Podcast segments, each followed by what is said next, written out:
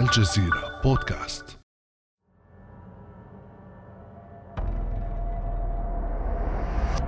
مسجن بالعلم التشادي ذي الثلاثة ألوان عبر جثمانه ساحة الأمة وسط العاصمة التشادية جامينا على أحد طرفي الصندوق الذي يضم الجثمان وضعت قبعة المارشال هكذا شاهد التشاديون جثمان رئيسهم إدريس ديبي إدنو وهو يحمل إلى المقبرة. ومن خلفه صف من الرؤساء الأفارقة يتوسطهم الرئيس الفرنسي إيمانويل ماكرون. في كلمات التأبين التي ألقاها أفراد من عائلة ديبي علت نبرة الرثاء.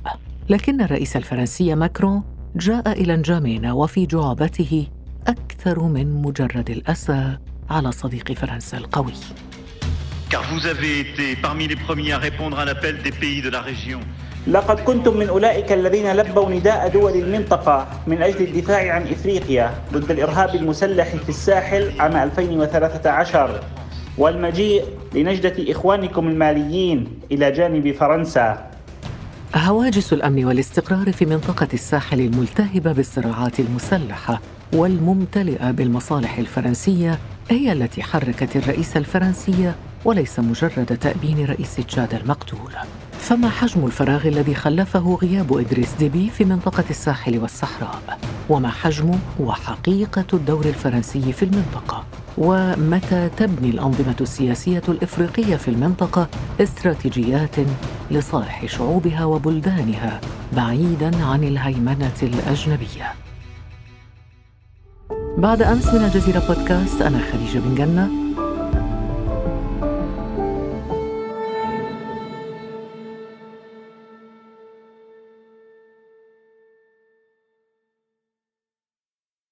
وضيفنا اليوم هو الأستاذ الحواس تقية الباحث بمركز الجزيرة للدراسات. صباح الخير أستاذ الحواس. صباح الخير أستاذة خديجة. شكرا على الدعوة. الله يخليك. أستاذ الحواس طبعا مقتل الرئيس التشادي إدريس ديبي أعاد فتح العيون من جديد على وضع الساحل المضطرب وعلى هشاشة الوضع في هذه المنطقة. برأيك ما الذي خسرته منظومة دول الساحل برحيل إدريس ديبي؟ منظومة الساحل دول الساحل خسرت كما نقول عمود الوسط. في الخيمة في خيمة دول الساحل. لأن الجيش الذي كان تقريبا يعتمد عليه في مجموعة دول الساحل هو الجيش التشادي. كان تشاد تقريبا يعني من حوالي ستة ألاف كان هو يقدم حوالي 1500 جندي. وكانوا جنود من الجنود الممتازين وأضافوا مؤخرا ديبي قبل أن يقتل أضاف حوالي 1200 لما يسمى بمنطقة الحدود الثلاثة وهي منطقة مالي والنيجر وبوركينا فاسو. وهي المنطقة التي تتجمع فيها الجماعات الجهادية أو الجماعات المسلحة ذات الصبغة الدينية والصبغة الإسلامية ومن أبرزها؟ هما اثنان القاعدة بتفريعاتها لأن هناك مرات انفصالات ومرات اندماجات وتنظيم الدولة والآن هما يتقاتلان فيما بينهم ويتقاتلان مع القوات الفرنسية والقوات التي موزعة بين مراكز كثيرة لما يسمى بعملية برخان وكذلك مع الجنود الذين شكلتهم مجموعة دول الساحل الخمس إذا الهواجس الأمنية التي تتحدث عنها فرنسا والمتعلقة بالإرهاب هي هواجس حقيقية. هو جزء منها حقيقي هو جزء يعني لكن موضوع الإرهاب مثلا فرنسا إشكال فيها هو أنها هناك خليط بين هذه الهواجس التي تسمى إرهاب بمعنى أن هناك جماعات عابرة للحدود وتريد فرض إيديولوجية معينة وهناك جماعات تطالب بقضايا حقيقية داخلية مثلا كما المظالم التي يشكو منها الأزاوات في شمال مالي مثلا. نأخذ نموذج على ذلك اللي هو اياد غالي وهو أحد القيادات التي كانت تطالب بحقوق الازوات وكان من الجماعات التي كانت من الازوات ولكنه بعد ذلك صار عضو من أعضاء القاعدة فهناك تداخلات. فإذا كان كان الوصف بأن هذه الجماعات إرهابية هذا له نتيجتان، النتيجة الأولى أنه لا يتم التفاوض معها، في حين مع الجماعات التي تطالب التغيير السياسي أو بالانفصال هذه جماعات سياسية يكون التفاوض معها. الأمر الثاني أن هذه الجماعات لا تعد جماعات محاربة، يعني لا يطبق عليها قانون الحرب إذا سميت إرهابية، وقانون الحرب أنه يعطي مثلا للذين يتم القبض عليهم يعطى لهم حق الأسير في حين الجماعات التي تصنف إرهابية محرومة من هذه الحقوق. ليست طيب، كلها جزء من القاعدة ومن تنظيم نعم. الدولة. ولكن التنظيمات الرئيسية الموجودة هي تفرعات من القاعدة وتنظيم الدولة الإسلامية. لا هي محدودة هي مئات. طيب حتى لو كانت مئات كيف وصلت إلى هذا المكان ليتحول أو تتحول منطقة الساحل والصحراء إلى مرتع لهذه الجماعات؟ حتى نفهم كيف يؤثر رحيل الرئيس التشادي إدريس ديبي على وجود هذه الجماعات. هذه الجماعات هي يعني لابد من العودة إلى ما حدث في الجزائر خلال التسعينات.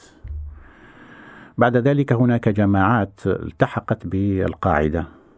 يعني لما فشلت هذه الجماعات في تغيير نظام الحكم في الجزائر اتجهت جنوبا لأن السلطات كانت تضغط عليها في الشمال. فاتجهت جنوبا بعد ذلك دخلت في ديناميات أخرى غير الديناميات التي كانت موجودة بها في شمال الجزائر. فهناك دخلت في مناطق أخرى مناطق صحراوية حيث تتواجد هذه المجموعات التركية. والمجموعات هذه المتضمرة من الأوضاع خاصة في شمال مالي. وهناك حتى تندمج دخلت في الإشكاليات هذه المناطق أنها صارت تعمل على أنها تكون جزء من هذه المناطق وتخرج من الإطار الجزائري وتتحول إلى إطار إسلامي عالمي. لذلك هي بحثت بعد ذلك ما على المشترك بينه وبين هذه الكيانات أو المكونات التي ليست جزائرية وهو الرابطة الإسلامية. هناك في 2013 كانت هناك عملية سيرفال التي قادتها فرنسا. من أجل وقف تقدم هذه المجموعات المشكلة خاصة هي مجموعات إياد غالي التي كانت تتقدم نحو العاصمة المالية. فأوقفوا تقدمها ثم بعد ذلك في 2014 تحولت سيرفال إلى ما يسمى عملية برخان التي تعنى هذه المرة ليس فقط بمالي وإنما تعنى بأمن الساحل كله. فهذا هو الفرق بينها وبينها. طيب و- و... سرفال وبرخان ما الدور الذي كان يعتمد فيه في هذه العمليات العسكرية الفرنسية الدور الذي كان يقوم به إدريس ديبي الرئيس التشادي المقتول. فرنسا كانت تواجه الوضع الآتي. فرنسا أنها تقاتل. نعلم بأن هناك رأي عام فرنسي لا يتحمل كثيرا وقوع قتلى من فرنسا. لكن ففرنسا كانت تحتاج إلى رديف عسكري يقوم بهذه المهمة. بقية دول الساحل الخمس لا تمتلك القوات التي تمتلك هذه المؤهلات القتالية. مثل ما يوجد عند تشاد. فتشاد تكفل بأن يكون الرديف الذي تراهن عليه فرنسا في عملية برخان وفي كذلك في قوات دول الساحل الخمس كان هو الركيزة التي اعتمدت عليها فرنسا. في المقابل فرنسا تعطي لديبي تعطي له هذه الرعاية السياسية وتعطيه هذه المشروعية الخارجية وتوفر له الحماية لأنه مثلا في 2019 كان هناك كذلك هجوم قادته مجموعة من قوات المعارضة المسلحة وتدخلت فرنسا وقصفت هؤلاء في 2019 وحتى لا يتقدموا نحو العاصمة نجمنا فتشاد كان هو الركيزة كان هو العمود الفقري الذي تعتمد عليه استراتيجية فرنسا في المنطقة لأن فرنسا كانت تريد أن تتخفف وتسحب قواتها. فرنسا الآن عندها حوالي 5000 جندي فكانت تريد التخفف وتكليف مزيد من قوة الدول الساحل الخمس والاعتماد أكثر على تشاد وكذلك إشراك طب دعنا الأوروبيين نعرف أولا بدول الساحل الخمس. آه عندك تشاد. عندك مالي عندك النيجر عندك بوركينا فاسو عندك موريتانيا. طيب هذه الدول كلها لأنه عندما نتحدث سي الحواس عن منطقة الساحل والصحراء يتخيل للمرء أنه إحنا نتحدث عن وحدة متجانسة لا لا لا وأنها منظومة واحدة. في حين هي مجموعة من الدول لكل واحدة مشاكلها الخاصة بها من مالي إلى تشاد إلى النيجر إلى بوركينا فاسو إلى ليبيا إلى السودان. هل يمكن أن نتحدث عن منظومة واحدة أم فعلا كل دولة لها مشاكلها الخاصة بها؟ وتنظر إلى كل القضايا التي تحدثت عنها قبل قليل بمنظور مختلف عن الأخرى. لا هي دول مختلفة. هي لكل دولة لها قضاياها ولها هويتها على حسب تواجدها على حسب تواجدها الجغرافي. لكن الذي جمعهم هو أن فرنسا أرادت أن يلتقوا حول هذا الإشكال الأمني. فهي مجموعة أمنية في حين الجانب الأمني بالنسبة لدول كثيرة ليس هو الجانب الطاغي يعني ليس هو الجانب ال... لكن هذه الدول اعتقدت بأنها إذا شاركت فرنسا في هذه الإشكالية الأمنية سيكون لها في المقابل سيكون لها مقابل من فرنسا. مقابل وهو أن فرنسا ترعى هذه الأنظمة مثلا ديبي الذي بقي في السلطة لثلاثين سنة لم يكن يسأل ولم يكن يحاسب. وفرنسا كانت تغطي عليه وفرنسا كانت تدعمه وكانت هي التي تروج له في الخارج وكانت التي تقدمه على أنه صديق يعتمد عليه وعلى أنه إذا ليست منظومة واحدة لكن رغم أنها تشترك في نفس التحديات. اللي هي الجماعات المسلحة والهجرة وطبعا هناك أيضا شيء مشترك هو هشاشة الأنظمة السياسية لهذه الدول هل يمكن أن تبني هذه الدول استراتيجية موحدة لمواجهة هذه التحديات؟ لا تستطيع هذه الدول بناء استراتيجية موحدة لأن هذه الدول كما قلنا أنها الذي الرابط بينها هو فرنسا هي التي جمعتهم وفرنسا هي التي تدفعهم إلى الالتقاء ولكن مثلا هذه الدول بجيوشها هي بجيوشها لوحدها لا تستطيع أن تواجه. جيوش عاجزة. ورأينا مثلا وضع في مالي. خذي مثلا الآن ماذا حدث في مالي وما حدث في النيجر. ماذا حدث؟ في مالي مثلا في 2020 حدث انقلاب على الرئيس. والرئيس كان مدعوم من فرنسا وفرنسا أدانت الانقلاب وحدث الانقلاب. عندك كذلك في تشاد. العجيب أن مثلا هذا الجبهة التغيير والمقاومة التي يقودها محمد مهدي علي هذا هو انشق على واحد آخر اسمه محمد نوري. محمد نوري كان هو وزير دفاع ديبي سابقا فهو كان كذلك عسكري وكان كذلك يشتغل مع فرنسا. القضية أن هذه الدول هشة وجيوشها تحدث انقلابات وضعيفة وليست لها الموارد. يعني فرنسا وتشتكي تقول بأنني لا يمكنني توفير الموارد لقتال هذه الجماعات وتستعين مثلا بالإمارات السعودية لأن الإمارات السعودية ساهم في تمويل جماعة دول الساحل الخمس فإذا كانت فرنسا تشتكي بأنها لا تستطيع فما بالك لو بقيت هذه الدول لوحدها؟ طيب هناك تحديات أمنية وهناك صراعات سياسية داخلية. مثلا بالنسبة لتشاد هناك صراع سياسي داخلي. دعنا قبل أن نناقش مسألة الصراع السياسي الداخلي في تشاد. نستمع إلى المتحدث باسم المجلس العسكري الانتقالي في تشاد عزم برماندو أغونا.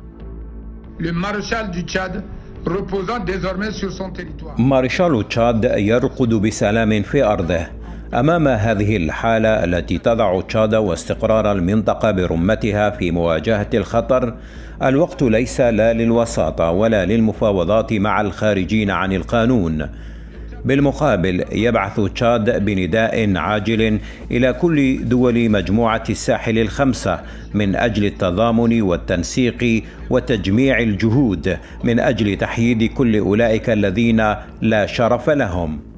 إذا أستاذ حواس المجلس العسكري التشادي رفض الوساطة الإفريقية بقيادة موريتانيا والنيجر بعدما أبدت في الحقيقة المعارضة أبدت قبول بهذه الوساطة. هل كان هذا خطأ برأيك؟ أنا أعتقادي أنه كان خطأ كبير من المجلس العسكري لأنه هو يقول أنا أرفض هذه الوساطة وأطلب منكم أن تقفوا إلى جانبي وهناك تقارير على أن المجلس العسكري طلب من النيجر أن يساعده في القضاء على جبهة التغيير والمقاومة هذه التي شنت الهجوم الذي قضى على ديبي.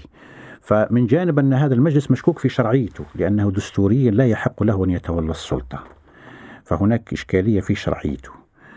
فحتى الاتحاد الإفريقي الاتحاد الإفريقي كان لطيفا معه لأنه لم يعتبر ما حدث انقلاب وإن كان يلمح بأنه ليس راضيا كثيرا على ما جرى لأن هناك مسار دستوري كان ينبغي أن يتولى السلطة بعد مقتل ديبي رئيس المجلس رئيس البرلمان هو الذي يتولى السلطة لكنهم أوقفوا كل المؤسسات لكن ابنه, وتولى. ابنه محمد هو الذي تولى ابنه محمد. والمجلس العسكري هذا هو الذي تولى السلطة وأوقف كل المؤسسات وأبعد كل المؤسسات الأخرى فهو يطلب من الدول الساحل أن تقف معه في حين وهو في إشكالية في شرعيته. الأمر الثاني يطلب منهم أن يساعدوه ليس على قتال الجماعات المسلحة الإسلامية أو الجهادية. الساحل دول الساحل تشكلت من أجلها وإنما لقتال أطراف معارضة مسلحة ولكنها معارضة. يعني مثلا هذا محمد مهدي علي هذا يساري كان من قبل يساري وليس لا علاقة له بالإسلاميين ولا بالإيديولوجيا الإسلامية فيطلب منهم أنه يشاركوا في قتال المعارضين. هذا طلب هذا تصوري لو أن دول الساحل بدأت بعد ذلك تتعاون فيما بينها على قتال الجماعات المسلحة المعارضة. لها هذا سيكون يعني سيأخذ مسار آخر بالنسبة لدول الساحل الخمس. طيب عندما يرفض المجلس العسكري التشادي الوساطة والحوار وكل ذلك هل يرفض ذلك من منطلق ذاتي أم هناك دفع من طرف خارجي ربما فرنسا؟ أنا اعتقاد أنهم ذاتي اعتقادي بأن أخذوا الموضوع على أنه موضوع شخصي لأنه قتل ديبي فكأنهم الآن يفكرون في الانتقام في حين المفترض أنه الحسابات أن تكون حسابات حسابات باردة لأن مثلا الوساطة تشكلت لما كان ماكرون موجود هناك في العزاء حينها كلف الرئيسان الرئيس النيجيري والرئيس الموريتاني قيام بوساطة فواضح أن فرنسا كانت راعية للوساطة لكن يبدو أن هناك أشياء ديناميات داخلية داخل العائلة هناك مزايدات بينهم. واضح أن الدور الفرنسي نشط جدا في هذه المنطقة. لهذا نسأل أستاذ الحواس عن الاستراتيجية الفرنسية في المنطقة. هل تراها تخدم في الحقيقة دول الساحل أم أنها لا تخدم الأجندة الفرنسية الخاصة وفقط؟ والله يعني من وقائع هذه السريعة يبدو أن الاستراتيجية الفرنسية لا تخدم فرنسا ولا تخدم كذلك دول الساحل. يعني خذي مثلا فرنسا تقول بأنها تعتمد على أنظمة مستقرة. ولكن أين الاستقرار؟ إذا كان ديبي الذي كان مثال الاستقرار الآن عملية مسلحة لأن هناك جماعات مسلحة. نتيجة أن نظام ديبي ليس ديمقراطي وترعاه فرنسا هذا سبب عدم استقرار. والاستراتيجية الفرنسية كلها التي قامت على ديبي وعلى الجيش التشادي الآن كلها عليها محل سؤال كبير. ما الذي سيحدث؟ مثلا هل سيضطر المجلس العسكري لحماية نفسه إلى سحب القوات المشاركة في مختلف ساحات القتال في مالي وغيرها هل سيسحبها لحماية نفسه ومواجهة الجماعات المسلحة؟ لأن هذا الذي يهدد به المجلس العسكري. الأمر الآخر بالنسبة لفرنسا خذي مثلا مالي. من 2012 حدث انقلاب دخلت فرنسا. الآن كذلك نفس الجيش الذي ربته فرنسا ونفس الرئيس الذي دعمته فرنسا. في 2020 انقلب الجيش على رئيسه وهما مدعومان من فرنسا. فأين هو الاستقرار؟ فإذا كان عدم الاستقرار هذا هو الذي يوفر بيئة جاذبة للجماعات الجهادية. فاستراتيجية فرنسا القائمة على الشق الأمني فقط والاعتماد على جيوش هذه الجيوش تحدث انقلابات وعلى أنظمة ليست ديمقراطية هي في حد ذاتها تولد عدم الاستقرار. لأن النظام الذي النظام غير الديمقراطي هذا نظام إقصائي. الجماعات المقصاة هي جماعات تريد كذلك أن تشارك في السلطة إذا لم يكن سلميا فعن طريق العمل المسلح. فهي تهز بذلك استقرار هذه الأنظمة التي تعتمد عليها فرنسا. فاستراتيجية فرنسا في النهاية هي استراتيجية لا تخدم الاستقرار وكذلك هي استراتيجية ضارة بها لأن عدم الاستقرار هذا يؤثر بعد ذلك في مصالح فرنسا في خدمة مصالح في فرنسا في المنطقة إن لم يكن في المدى القصير ففي المدى البعيد ورأينا في ضوء كل هذه الخلاصات السابقة كيف ترى مستقبل الأنظمة السياسية القائمة على الدعم الفرنسي في هذه المنطقة؟